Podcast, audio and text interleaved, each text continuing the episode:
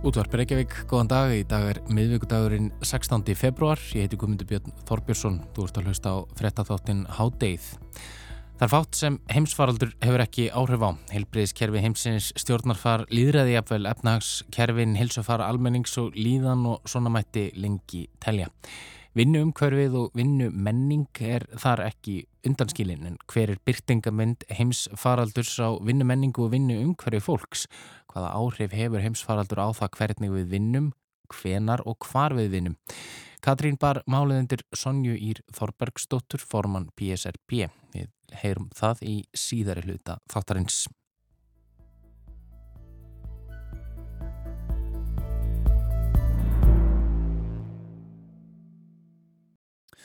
En við hefjum þannan miðugudag í mið Östurlöndum en þó með smá rúsnesku yfirbræði.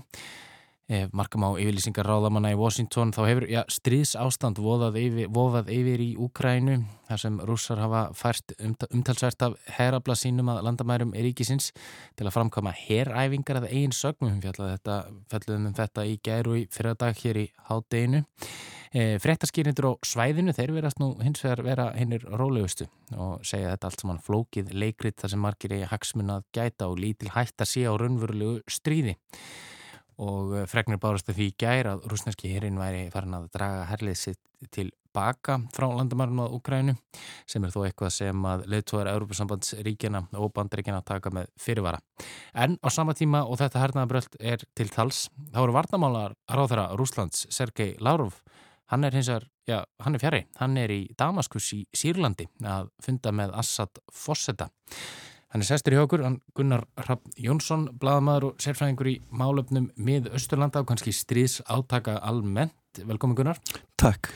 Eh, þessi tímasetning er svolítið áhugaverð að vartmálar á þar hann sé í Damaskus í Sýrlandi á sama tíma og það, já, allavega vestrænir fjölmýra held að þið fram að stríð var að brjótast út í, í, á landamærum eða í Úkrænu.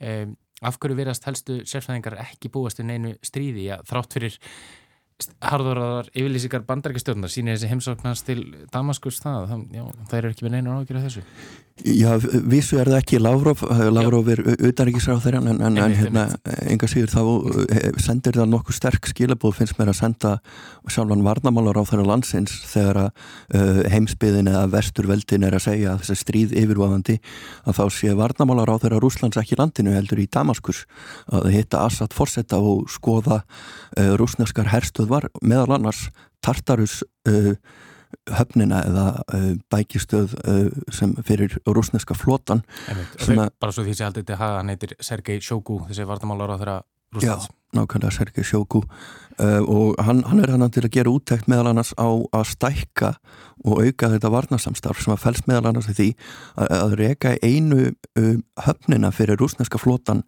sem er til utan fyrirverandi sovjetlýðvaldina, þetta er eina höfnin þar, mm. þar utan og það sendir ákveðin skilabóð uh, í raun og veru sömu skilabóð og rúsar eru að senda með bröldi sínu í kringum Úkrænu, mm. þeir eru að segja við lítum á ákveðin svæði sem okkar bakarð, það hefur verið uh, mantra hjá bandaríkjónum mjög lengi og NATO-ríkjónum að þeir hafi sinn bakarð í Evrópu, bakarð í, í Söður Ameríku og nú sá ég nýlega fyrirsöknar sem bandaríkinn sögðu að Afrika væri bakarður bandaríkjana, ég veit ekki hvernig þeir fá það út uh, svona geopolítist en þeir gera, gera uh, ótrúlustu kröfur í Asíu og allstaðar um að þeir fái að vera með herstöðvar og, og hernaðabröld og, og rúsum reynlega hefur alltaf staðið mikill styggur af þessu bæði kaldastriðinu þegar Sovjetríkin voru en það hefur í raun og verið ekkit breyst. Uh, varnar uh, staða rúsa hefur vext ef eitthvað er eftir að Sovjetríkin hrundu og NATO uh, eru sögð hafa gefið óformlegt lofórð um að færa sig ekki nær landamærum Rúslands, mm. hleypa ekki fleiri fyrirverðandi sovjetleifildum inn í NATO. Uh, leitu að NATO neytaði að þetta lofur það hefur verið gefið. Uh, enga síður þá lítar rúsa svo á að það sé augurinn að í raun og veru umkringja smám saman landið með NATO aðildaríkjum og Úkræna er þá líkil ríkir sem að myndi vilja ganga í NATO það er í stjórnarskrá Úkrænu að ganga í NATO. En enga síður eru NATO-ríkin frekar smeg við að leipa þeim þar inn út af því að þess, og, og meðal hans er Putin emitt að undirstryka það að ef að það kæmi til alls þeirrar innrásar að þá er sáttmálinn slíkur að öll NATO-ríkin myndi þurfa að bregðast við þau myndi þurfa að fara í, í stríð við Rúsland. En hvers vegna þá þessi heimsókn núna og hvernig, hvernig getur við þá tengt þetta almenlega við þessa Úkrænudelu? Það sem er í raun og verið að gerast er að uh, rússar eru að senda á mörgum uh, vikstöðum skilabóð þeir hafa barist með Assad í Sýrlandi mm. þeir hafa sínt að þeir vilja auka áhrif sín í miðausturlandum og hafa áhrif á deiluna þar og jáfnveil mála meðla málum í einhverjum tilvikum og, og nota hervald til þess uh, þannig að þeir eru í raun og veru að stimpla sig inn og mótmæla uh, því sem að þeir telja að hafi verið yfirgangur bandaríkjana til margra áratuga og það er mjög áhugaverið tímasetningin út af því að nú eru komað kostningar í bandaríkjunum í november mm -hmm. og þetta vopnarskak hendar bæten svo vel að hann er búin að kynnta undir það miklu meira heldur en Ukrænum en vildu. Ukrænum en voru alveg sáttir fyrst, fengu aukin fjárframlögu, hernaðaframlögu fleira frá bandaríkjunum, alveg ætti að sætta sig við smá vopnarskak en nú er þetta orðið þannig að mennur fattar að það er verið að loka á viðskipti við Úkrænu vegna stríðsættu og Úkrænumennur bara fannir að segja nei, sorry, þú veist, þetta var nú hálfgert leikrit, það ætlum ekki stríð. Uh, rússar eru raun og veru fannir að senda sveitu skilabóð, þetta er ekki alvöru.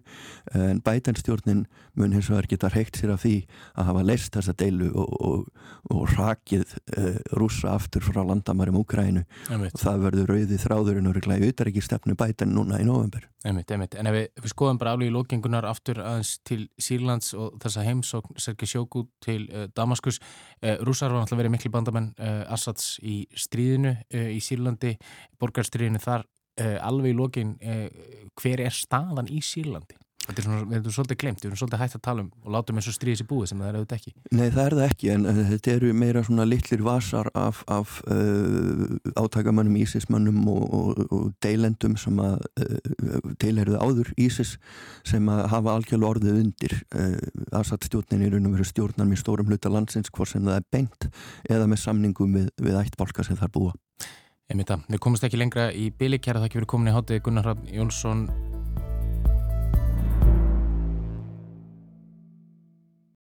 Heimavinna í heimsfaraldri, VAF-PN, fjartengingar, Zoom, Skype, Teams-fundir, eldhússtólinn og vinnutölvan, hendi vél eftir fyrsta botlan, svara tölvupústum, ryggsuga, borða hádegismatinn við vinnutölvuna á Zoom-fundi, stúsa í Excel-skjælinu, elda kvöldmatinn, leika við krakkana, klára vinnudagsins, koma öllum í háttin, horfa á Netflix, svara einum vinnuskilabóðum, senda kannski önnur, loks upp í rúm og undir seng, allt innan sömu fjóra veggjana.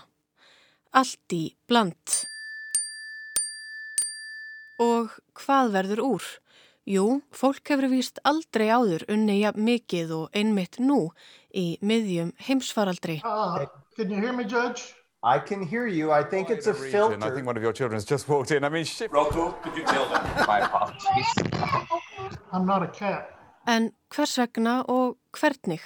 Hvaða áhrif hefur heimsfaraldur haft á vinnu um hverfið, vinnustaða menninguna og mörg engalífs og vinnunar? Hvaða áhrif hefur þetta á stóra samhengið? Við fengum Sonju Ír Þorbergstóttur formann BSRB til að svara því.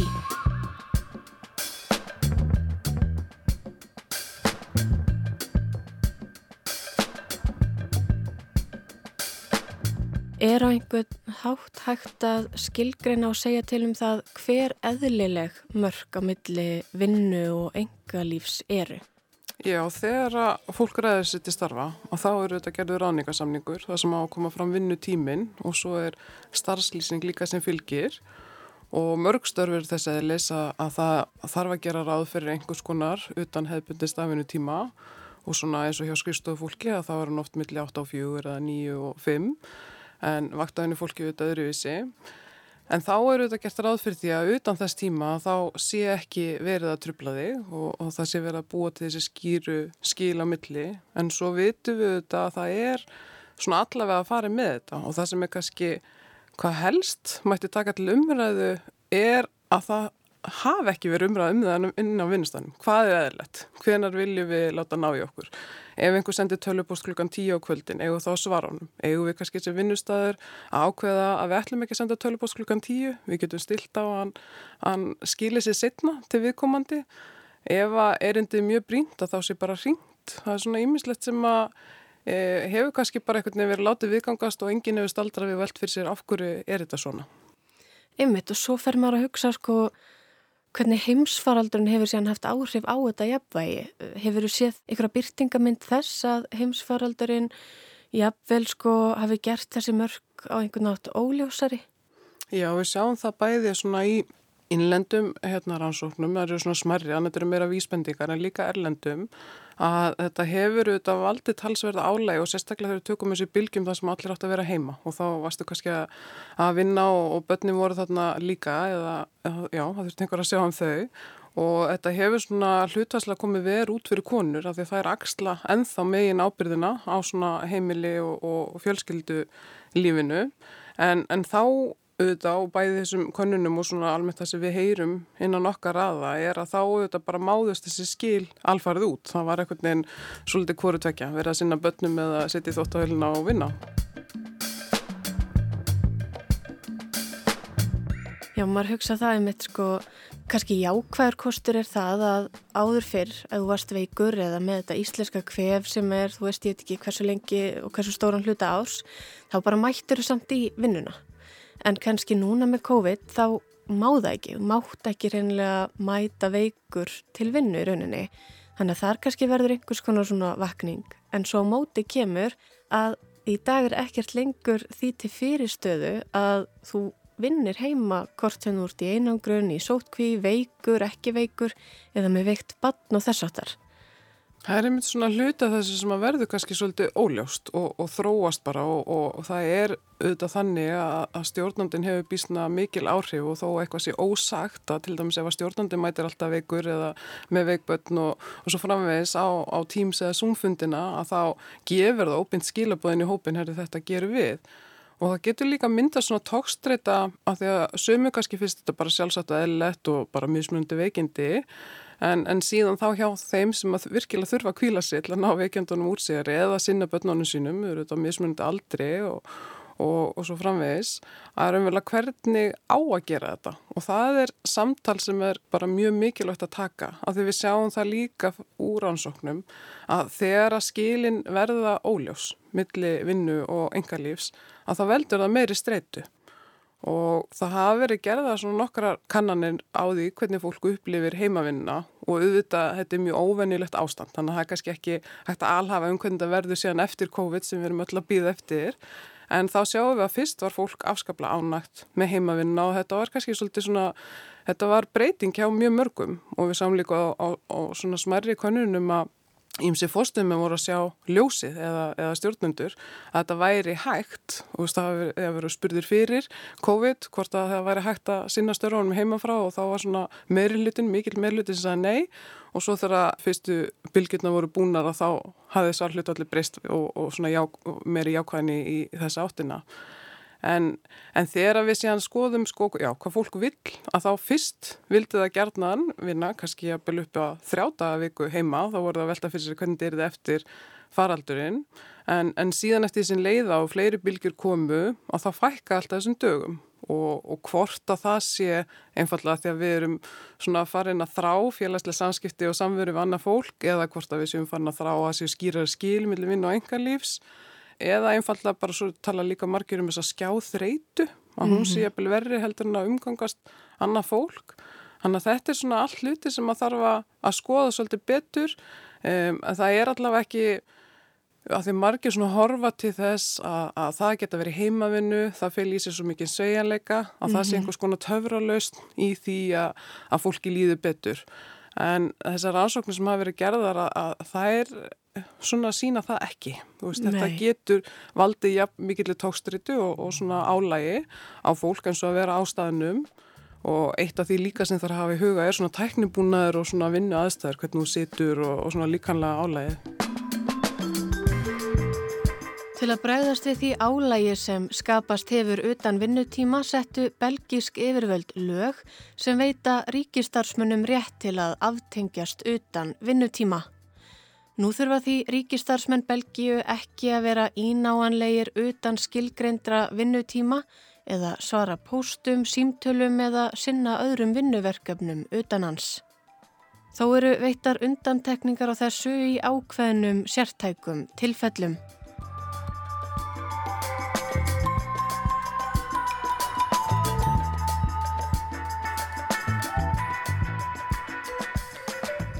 Skiptir þetta einhverju máli að því að þetta er kannski bara svona eitt ping hér og þar og þú er kannski að svara skilabóðum sem tekur 2-5 mínútur af lengra kvöldi. Hverju breytir þetta og heldur að við þurfum á einhverju svona svipu að halda hér á landi? Þetta var umverulega til umræðu fyrir COVID líka af því að fólk fann það hérna á vinnumarkaðinum. Það eru þetta kannski svona sögulega menningarlega þá er svolítið hortið þess að vinnan sér digð og, og við séum svona mjög yðin við vinnu og, og skilum okkar vel. Og sumi leiðist þetta að því að samtali hefur ekki verið tekið til hvers er ætlast. Ef einhver er að hafa samband við þið utan hefbundi stafvinnutíma eða svona skilgrunningun á honum hvað raunverulega gerist þá? En að því að rannsóknum hefur fjölgað varðandi þetta og það sína allar fram á þetta bara eigur streitu. Þannig að þetta er ekki gott fyrir hilsunum okkar. Og, og það er mjög gott að hafa svona mjög skýr skil á milli og það er líka, og kannski lengur umræða en við þekkjum það öll að það er mikilvægt að vera svona andlega viðstættur þegar maður að tala um bönni sína sinna en ekki hálfpartin ofan í símanum eða tölfunni og, og þetta er líka svona trublun þannig að þó að það ekki kannski bara tvær myndur að svara þá eins og þú segir að þá er þetta eitthvað neins svona, þetta er lengur fast í, í huga fólks. Þannig að þess vegna vorum mjög mörg lönd bæði, þessast já, fyrirfaraldinum byrja að skoða þetta og, og við sumu leiðis í okkar kjærasamningum vorum með það kröfu að, að það er það einhvers konar greiðslega að veri verið að trubla fólk utan vinnutíma ef það var ekki skilgreint að þetta væri svona hluti að starfskildum því að það var líka að koma upp að fólk sem að var allaveg ekki með einhverja fasta yfinnutíma eða eitthvað svona sveigileika í kringu þetta að það var verið að trubla það og þetta er allt bara svona menning. Og þess vegna er kjarnin í þessu eru þetta að taka þetta til umræðu en auðvitað getur það verið til þess að íta eftir svona hlutum, er að setja einhvers svona reglur um þetta. Og við finnum það auðvitað núna þó að það sé ekki bá mynda kröfur í aðræðanda kjærasamninga en þá verður þetta eitt af stóru aðrjónum fyrir þau sem að njóta þessa sveileika og við mögum heldur ekki glemma því að það eru þetta alveg stór hlut af vinnumarkaði sem verður að mæta á einhvern tiltekinn stað á tilteknum tíma. Bitnar þetta ásegjanleika sem kannski sumir vilja halda í og aðrir þurfa ekki á að halda? Og er þetta kannski jafnvel ekki raunhaft fyrir ákveðna geira eða í tengslu við ákveðin verkefni, svona fyrirkomulag?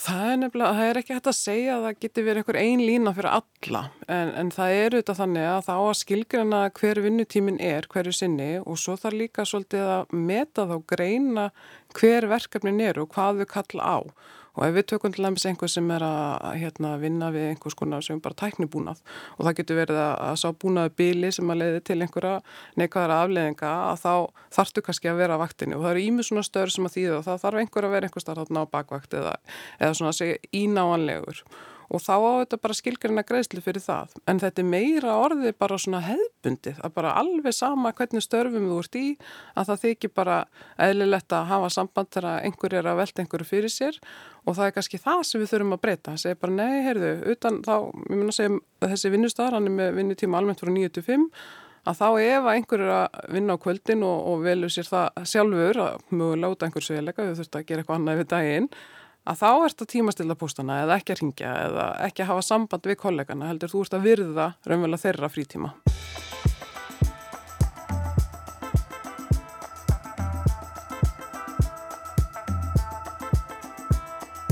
Framtíðin eftir COVID, hvernig mun þetta líta út, hvernig mun vinnu um hverfið vera? Ef þú fengir að gefa draumaspá. Já, þetta eru þetta svolítið tvískipt að því að við erum með fólk sem er í þannig störum og það getur notið eh, svona mikil sveganleika að vinna heimann frá eða það sem var líka mjög mikið umræðinni og svona í þessum fræðum fyrir COVID var að raunverulega þetta væri ekki áfram svona þessi tímamæling á verkefnum eða þessi svona mikla stjórnun og stýring heldur við komum að vera bara falinn til degi verkefni og þau bara bæri þá að byrja að lesa þau að hendi og það var ekkert verið alveg verið að horfa hvort þú sætir í stólnum eða hvort þú væri akkurat þar. Eh, en síðan þá kannski eins og hinnhópurinn sem að þarf að mæta til vinna á tiltaknum staða að hluti af einmitt markmiðunum með stýttingu vinnuvíkunar var að búa til svolítið jafnbreið á milli þessara ólíku hópa og svo held ég að samtalið bara svolítið eftir að, að dýfka og það hefur verið sumstað verið hortið þess að ef fólk þarf að mæta á staðið en að þá sé einfallega svona tildekking greiðsla fyrir það til þess að tryggja frekar jafnbræðið.